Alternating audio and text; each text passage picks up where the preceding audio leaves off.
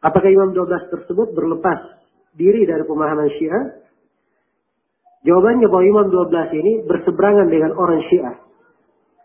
Iya.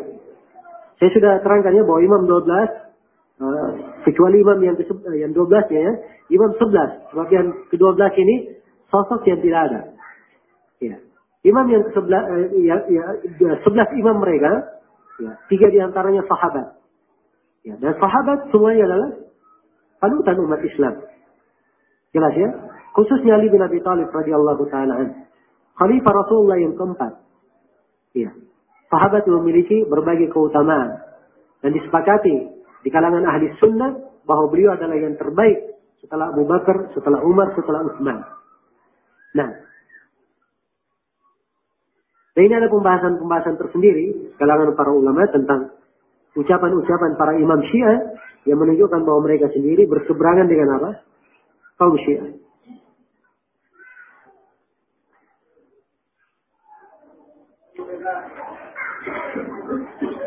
Bagaimana solusi menghadapi Syiah di daerah kami? Utamanya pare-pare yang sekarang ini mulai berkembang. Bagikan jamur di musim hujan. Dan sudah membangun masjid dan pesantren. Ya. Yang pertama yang saya nasihatkan agar supaya setiap dari muslim dan muslimah mempelajari agamanya dengan baik. Kemudian yang kedua, hendaknya kita memperbanyak mengingatkan kaum muslimin akan bahaya dari kelompok Syiah ini dan keyakinan-keyakinan mereka yang rusak. Ya. Kemudian yang ketiga, harus diingat ya bahwa kesesatan dan bidah itu muncul terus setiap hari, ada habisnya. Tidak ada habisnya. Ini sudah merupakan ketentuan Allah di tengah manusia. Dan di sinilah bagaimana kita memposisikan diri kita sebagai orang-orang yang terbaik di dalam beramal sehingga kita diridhai oleh Allah Subhanahu wa taala. Allah firman, "Wa ja'alna ba'dakum li ba'din fitnatan atasbirun?" Inna Allah ya, bima ta'maluna basir. Kami jadikan sebagian kalian terhadap sebagian yang lain ada sebagai fitnah. Ini menyimpan, memberi fitnah kepada orang yang mengikuti kebenaran. Ya, perempuan menjadi fitnah bagi laki-laki. Ya. Ahlul batin fitnah bagi ahlul haq. Orang yang memiliki harta fitnah bagi orang yang tidak memiliki harta. Ya. Sebagian orang hasad kepada sebagian yang lainnya, dengki kepada sebagian yang lainnya, saling bermusuhan. Tapi jadikan sebagian kalian fitnah sebagai sebagian yang lain. Untuk apa? Apa birun? Apakah kalian mampu bersabar? Ini ujian ya. Allah menghendaki kita untuk apa? Bersabar di dalamnya. Kemudian Allah ingatkan bahwa Allah maha melihat apa yang kalian lakukan. Ini peringatan. Bahwa di masa fitnah yang seperti ini, harusnya kita lebih memperbaiki amalan. Karena Allah melihat kita, apa yang kita lakukan. Bukan di masa banyaknya terjadi kesesatan. Seorang santai saja. Harusnya dia lebih giat menuntut ilmu agama, lebih giat beribadah, lebih giat duduk dengan orang-orang saleh, menghadiri majelis-majelis talim, membaca buku-buku yang bermanfaat, mendengarkan kaset-kaset ceramah yang mengandung ilmu agama. Ya. Itu harusnya yang dilakukan. Bukan hanya larut dalam kesedihan, sebab tangisan. Ya, itu tidak ada manfaatnya di tengah musibah. Ya, seorang melihat kesesatan tersebar, ya, kemudian hanya cerita berduka saja, itu tidak ada manfaatnya. Ya. Yang paling penting adalah amalan kita. Bagaimana kita beramal? Bagaimana kita beramal? Ini hendaknya kita hidupkan.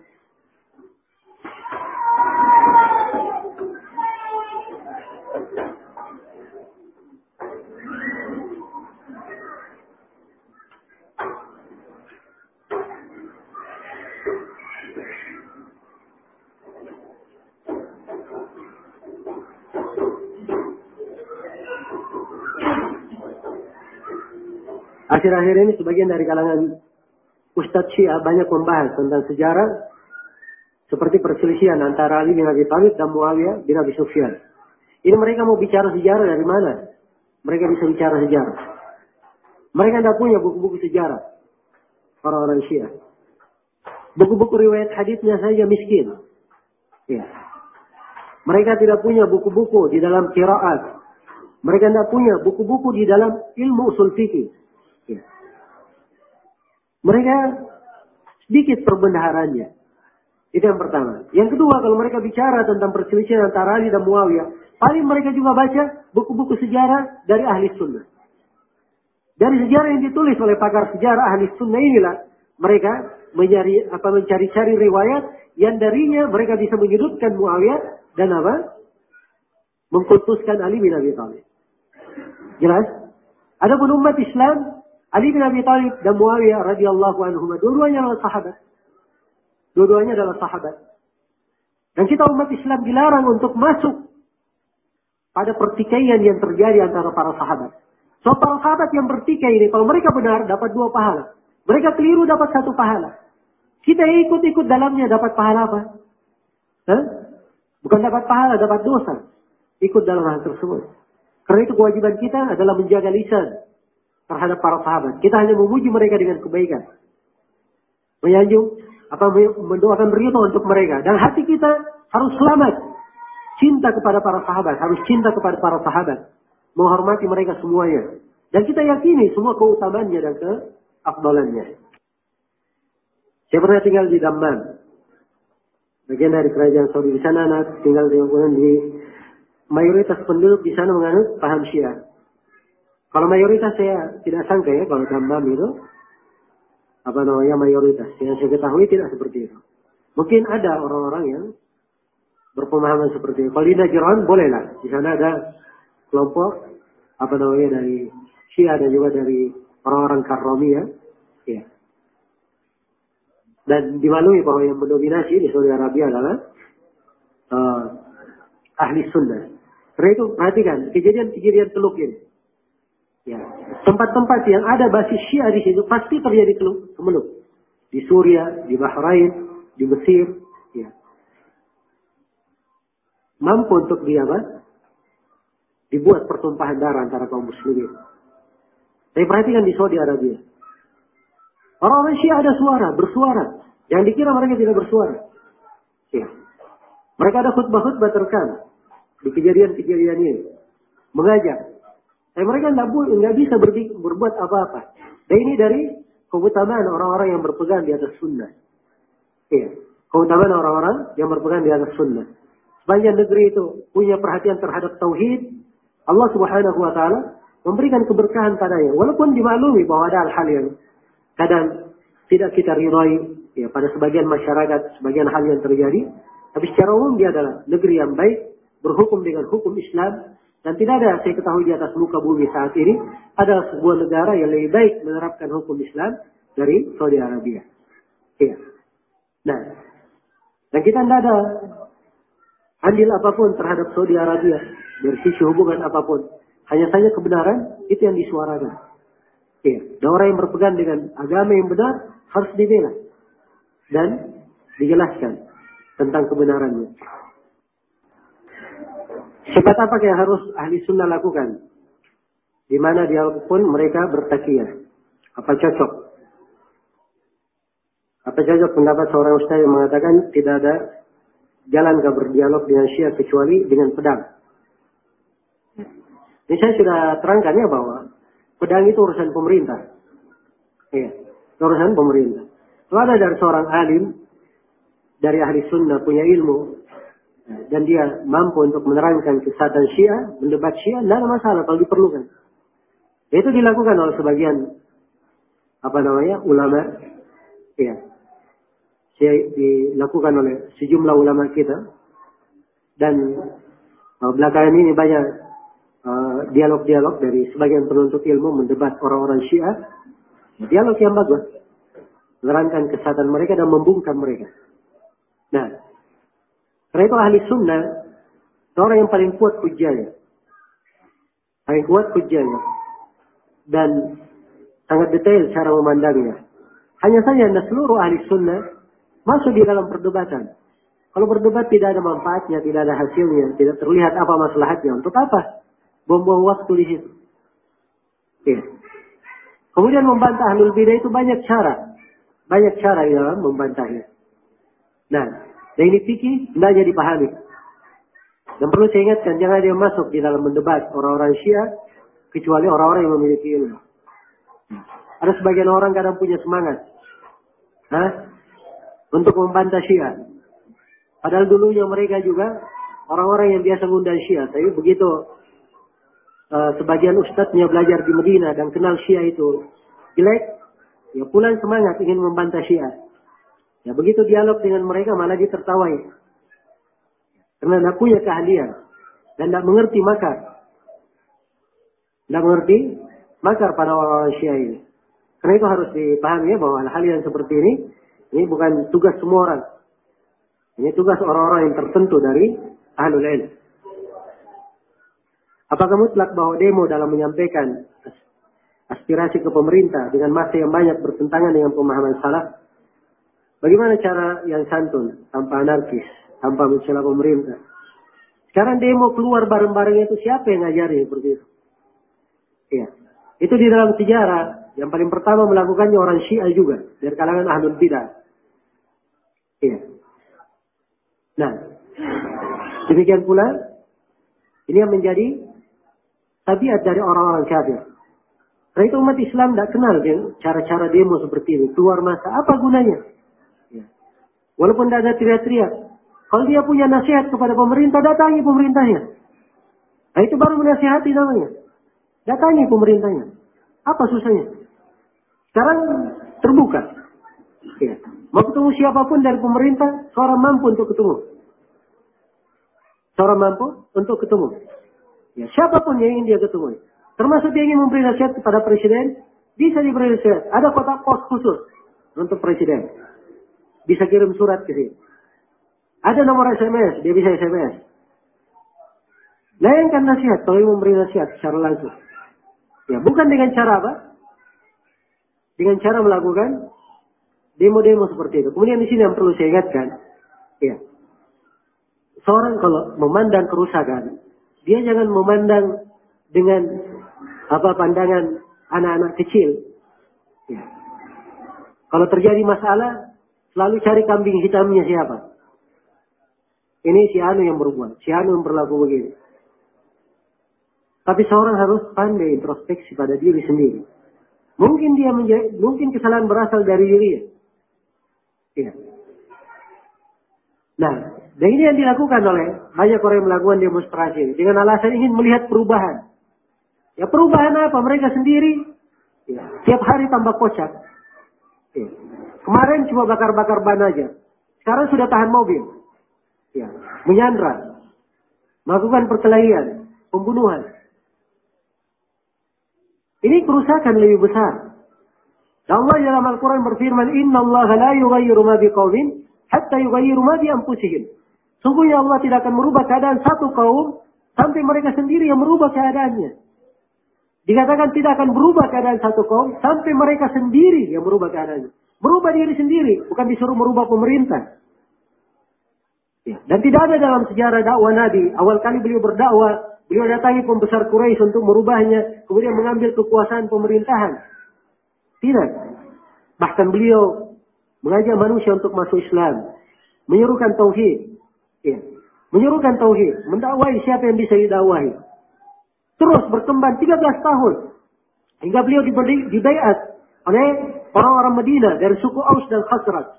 Dua suku yang sangat kuat di kalangan orang Arab pada masa itu. Maka kaum muslimin, kaum muslimin pun punya kekuatan di kota Madinah.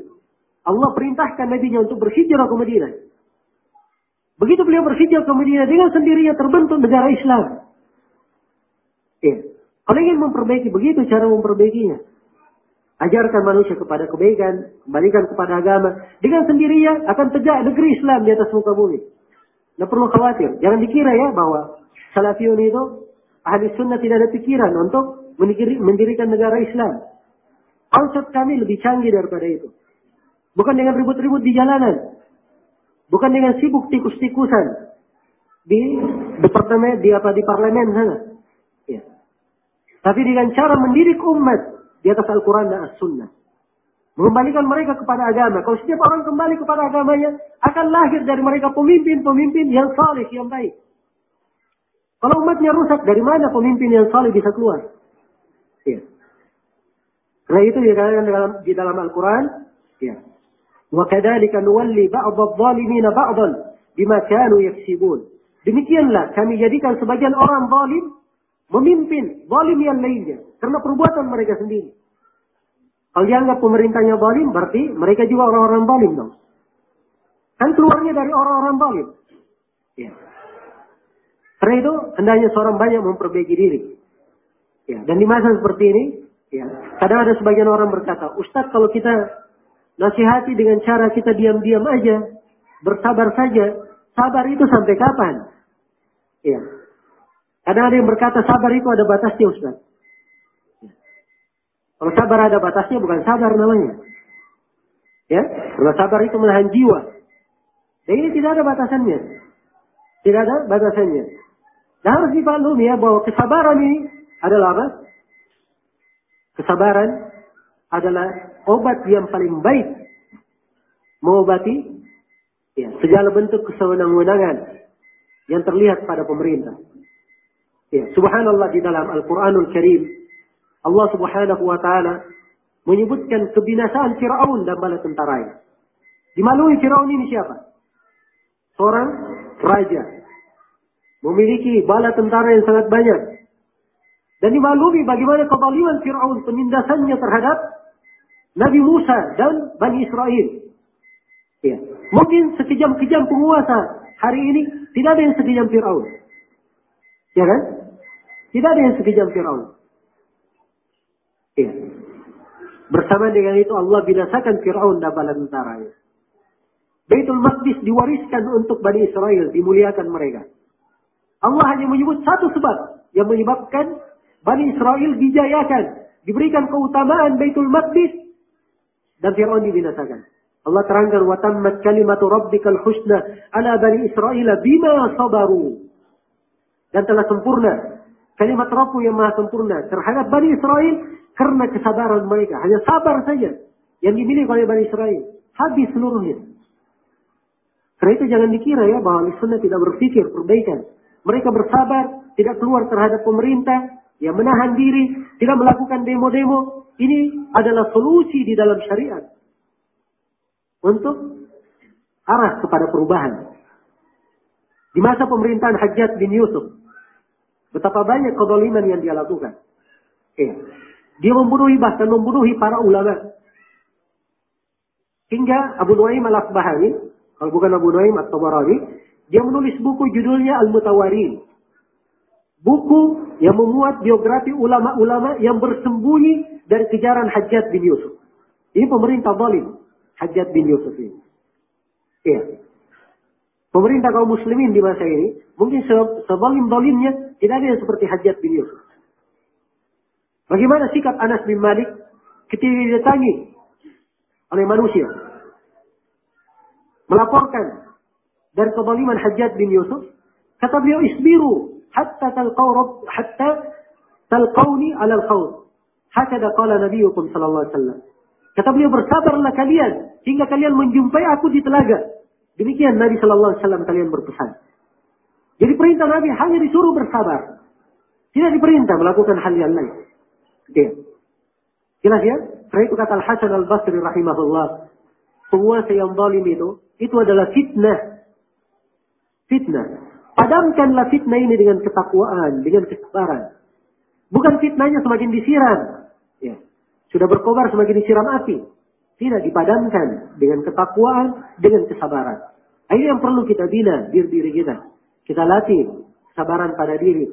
Ya, kita sebarkan ilmu agama. Kita berdalam mempelajari ilmu agama. Ya, wallahu taala penjelasan tentang hadis yang menerangkan bahwa pernah Nabi berbekam, setelah itu beliau menyuruh sahabatnya untuk membuang darah tersebut. Apakah sahabat tersebut meminum darah itu? Akan tetapi sahabat tersebut meminum darah tersebut. Lalu bersabda, Rasulullah bersabda, celakalah kamu dan orang-orang yang seperti kamu. Ini dia baca terjemahan ya. Penanya ini baca terjemahan. Ya, dan kebetulan si penerjemah keliru dalam menerjemahnya. Ya, ini hadis saya tidak ingat sekarang dari sisi keabsahannya. Ini dilakukan oleh Abdullah ibn Zubair. Nabi berbekam oleh Nabi diperintah supaya darahnya dibuang. Tapi oleh Abdullah bin Zubair diminum. Dan Nabi mengucapkan kalimat di belakangnya, memang dohirnya kalau diterjemah akan seperti ini. Tapi artinya bukan seperti itu. Artinya diucapkan oleh Nabi itu pujian untuk sahabat tersebut. Ya, sebab Nabi Shallallahu Alaihi Wasallam diberikan kekhususan oleh Allah. Ya, pada bekas wudhu beliau, air liur beliau, ludah beliau itu memiliki berkah. Memiliki berkah. Ini kekhususan untuk Nabi saya. Sallallahu alaihi wasallam. Ini yang dikata hadisnya sahih ya. Dan saya sekarang tidak menghadirkan. Tidak ingat apakah hadisnya kuat atau tidak. Wallahu ta'ala Bagaimana nasihatnya menyikapi ustadz yang tidak adil dan bijaksana dalam menyelesaikan masalah? Dan bagaimana cara menasihatinya? Ini saya nggak tahu ya, bertanya siapa, apa jenis masalahnya. Ya mungkin saja ada sebagian orang punya masalah dengan orang lain dia tanyakan di sini. Ya kadang saya nggak cocok memberi jawaban. Ya. Tapi kalau saya beri nasihat umum, saya nasihati secara umum. Bahwa yang dituntut berlaku adil bukan si ustadz saya. Tapi yang bertanya juga dituntut untuk berlaku adil. Dalam bersikap. Dan semuanya harus adil dan bijaksana. Kemudian yang kedua, siapa pun orangnya, keadilan dan kebijaksanaan itu adalah hal yang penting. Ya. Dan hikmah itu, kebijaksanaan adalah apa yang mencocoki Al-Quran dan As-Sunnah. Dan yang dilakukan dan dicontohkan oleh para ulama. Karena itu siapa yang ingin punya fikih kebijaksanaan dan keadilan yang baik, hendaknya dia mempelajari Al-Quran dengan baik, mempelajari hadis Rasulullah dengan baik, dan dia banyak duduk dengan ulama-ulama besar. Supaya dia apa? Dia memiliki pemikiran yang dewasa. Ya. Karena itu kata seorang penyair yang bijaksana, "Wabnul labuni ma luzza fi qaranin lam yastati' tawlat al-buzl al-qana'isi." Dan anak unta umur dua tahun, kalau dia tidak bergaul dengan unta umur delapan tahun, maka unta umur dua tahun ini tidak akan sanggup menghadapi unta-unta yang berumur empat tahun. Maksudnya apa? Anak unta dua tahun kan lebih muda. Kalau dihadapi unta empat tahun, ya yang muda kan kalah sama yang tua. Tapi berhubung unta-unta umur dua tahun ini bergaulnya bukan dengan unta-unta kecil, bergaulnya dengan unta-unta dewasa, yang umur delapan tahun bergaulnya, kawan-kawannya unta delapan tahun, maka dia punya kepribadian mirip dengan unta delapan tahun. Sehingga ketemu dengan unta empat tahun tidak ada apa-apanya empat tahun. Jelas ya? Ya. Sama dengan ayam, ayam kecil itu. Kalau ketemu dengan ayam bangko yang sudah ini, bergaulnya sama ayam bangko, dia akan rewa juga seperti ayam bangko itu yang sudah besar. Coba kalau ayam dari kecil sama ayam betina saja bergaulnya, dia tidak akan memiliki apa namanya dari sifat yang harusnya dimiliki oleh ayam yang ditangguhkan. Kan begitu? Ya. Karena itulah kebijaksanaan itu kadang banyak pengaruhnya, banyak faktor di dalamnya. Dan ini harus dididik dan saling nasihat menasihati dalam perkara yang baik dalam ketakuan apalagi berkaitan dengan masalah agama, masalah dakwah, ini adalah hal yang penting ya, hal yang penting. Dan saya nasihatkan kepada seluruh dari kaum muslimin dan muslimat untuk menghindari segala bentuk perselisihan, perpecahan yang mengantar kepada seorang itu menjadi lemah, ya, menjadi lemah. Apalagi pada hal-hal yang tentunya pada hal-hal yang Eh, perkara tersebut tidak dipermasalahkan di dalam agama. Bukan hal yang harusnya kita menjadi sebab kita berselisih dan berpecah. Nah, ini semuanya harus dinilai dengan pandangan yang lurus, dengan pandangan yang jernih, dengan ilmu yang kuat. Nah itu kalau ada masalah-masalah yang terjadi ditanyakan kepada orang yang berilmu secara langsung sesuai dengan kondisi masalah yang dihadapi, itu insya Allah Taala akan lebih baik.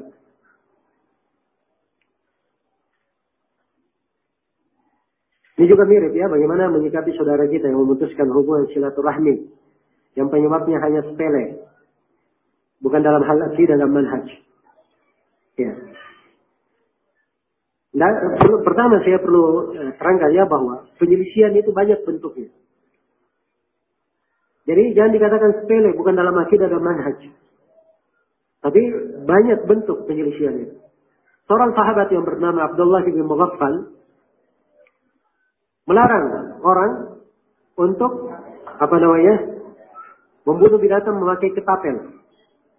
Al-qadar. Sebab binatang kalau dipakai ketapel dia tidak mati. Ya. Maka dia larang. Nah Nabi sallallahu alaihi wasallam anil qadar. Fainnahu la tunki wa la yaqtul aduwan. Nabi melarang dari melempar itu. Apa namanya? Dalam bentuk ketapel ataupun lemparan. Sebab itu tidak akan mengalahkan musuh dan tidak akan membunuh musuh. Dilarang. Jelas ya? Tapi setelah Abdullah bin Mughaffal melarang orang tersebut, orang ini masih tetap aja melakukannya. Kata Abdullah bin Mughaffal, "Idan la ukallibuka abadan." Kalau begitu, saya tidak akan berbicara denganmu selama-lamanya. Kenapa? Sebab orang ini walaupun dia menyelisih dalam bentuk maksiat, perkara fikih, ya bukan akidah dan manhajnya kalau bahasa penanya, tapi orang ini penyelisiannya bukan saja bukan dibangun di atas kejahilan, dibangun di atas hawa nafsu. Dan hawa nafsu ini keterkaitannya dengan akidah dan manhaj. Ya. Maka harus dilihat jenis penyelisiannya bagaimana. Seorang harus pandai menilai. Ya. Karena itu saya yang saya nasihatkan ya, bahwa membangun hubungan yang baik, saling menasihati, kemudian bijaksana dalam melihat permasalahan itu adalah perkara yang sangat penting. Mohon kami nasihati, karena sebagian ikhwah telah menyibukkan dirinya dari menuntut ilmu. Namun tidak ada padanya akhlak yang baik dan mental yang kuat di saat tertimpa ujian dan masalah. Ya kalau dia sudah menuntut ilmu, kita syukur ya dia telah menuntut ilmu dan saya doakan semoga Allah Subhanahu wa taala memberikan keteguhan untuknya dalam menuntut ilmu. Dan ilmu itu pendidikan. Memang dituntut bukan sekali pertemuan saja, dua kali, tiga kali.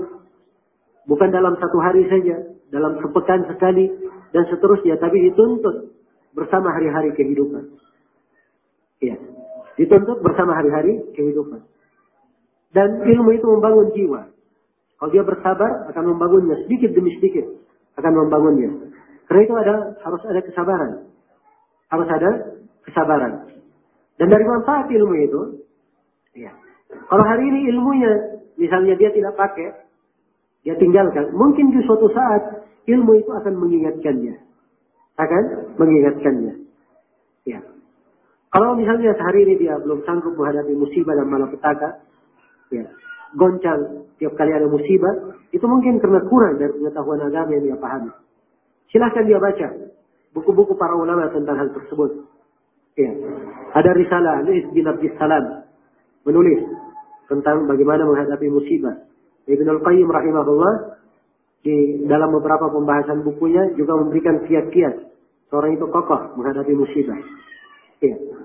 Dan saya sendiri saya punya buku dengan judul Renungan Bermakna Saat Musibah Melanda. Ya. Saya terangkan di dalamnya berbagai bentuk dari musibah, sebab turunnya musibah, bagaimana sebab cara seorang bersabar menghadapi musibah dan apa hikmah di belakang terjadinya musibah tersebut. Ini kalau dipelajari dengan baik, insya Allah Taala akan memberikan apa? Memberikan warna di dalam jiwa. Baik, waktu membatasi kita. Dan kelihatannya sudah berlalu 10 menit ya dari waktu tanya jawab. Mudah-mudahan apa yang saya sampaikan pada hari ini bermanfaat untuk seluruh kaum muslimin dan muslimat. Dan saya mohon maaf sebesar-besarnya atas segala kekurangan dan kesalahan. Subhanakallahumma wa bihamdik. Asyhadu an la ilaha illa anta astaghfiruka wa atubu ilaik. Walhamdulillahi rabbil alamin. Wassalamualaikum warahmatullahi wabarakatuh.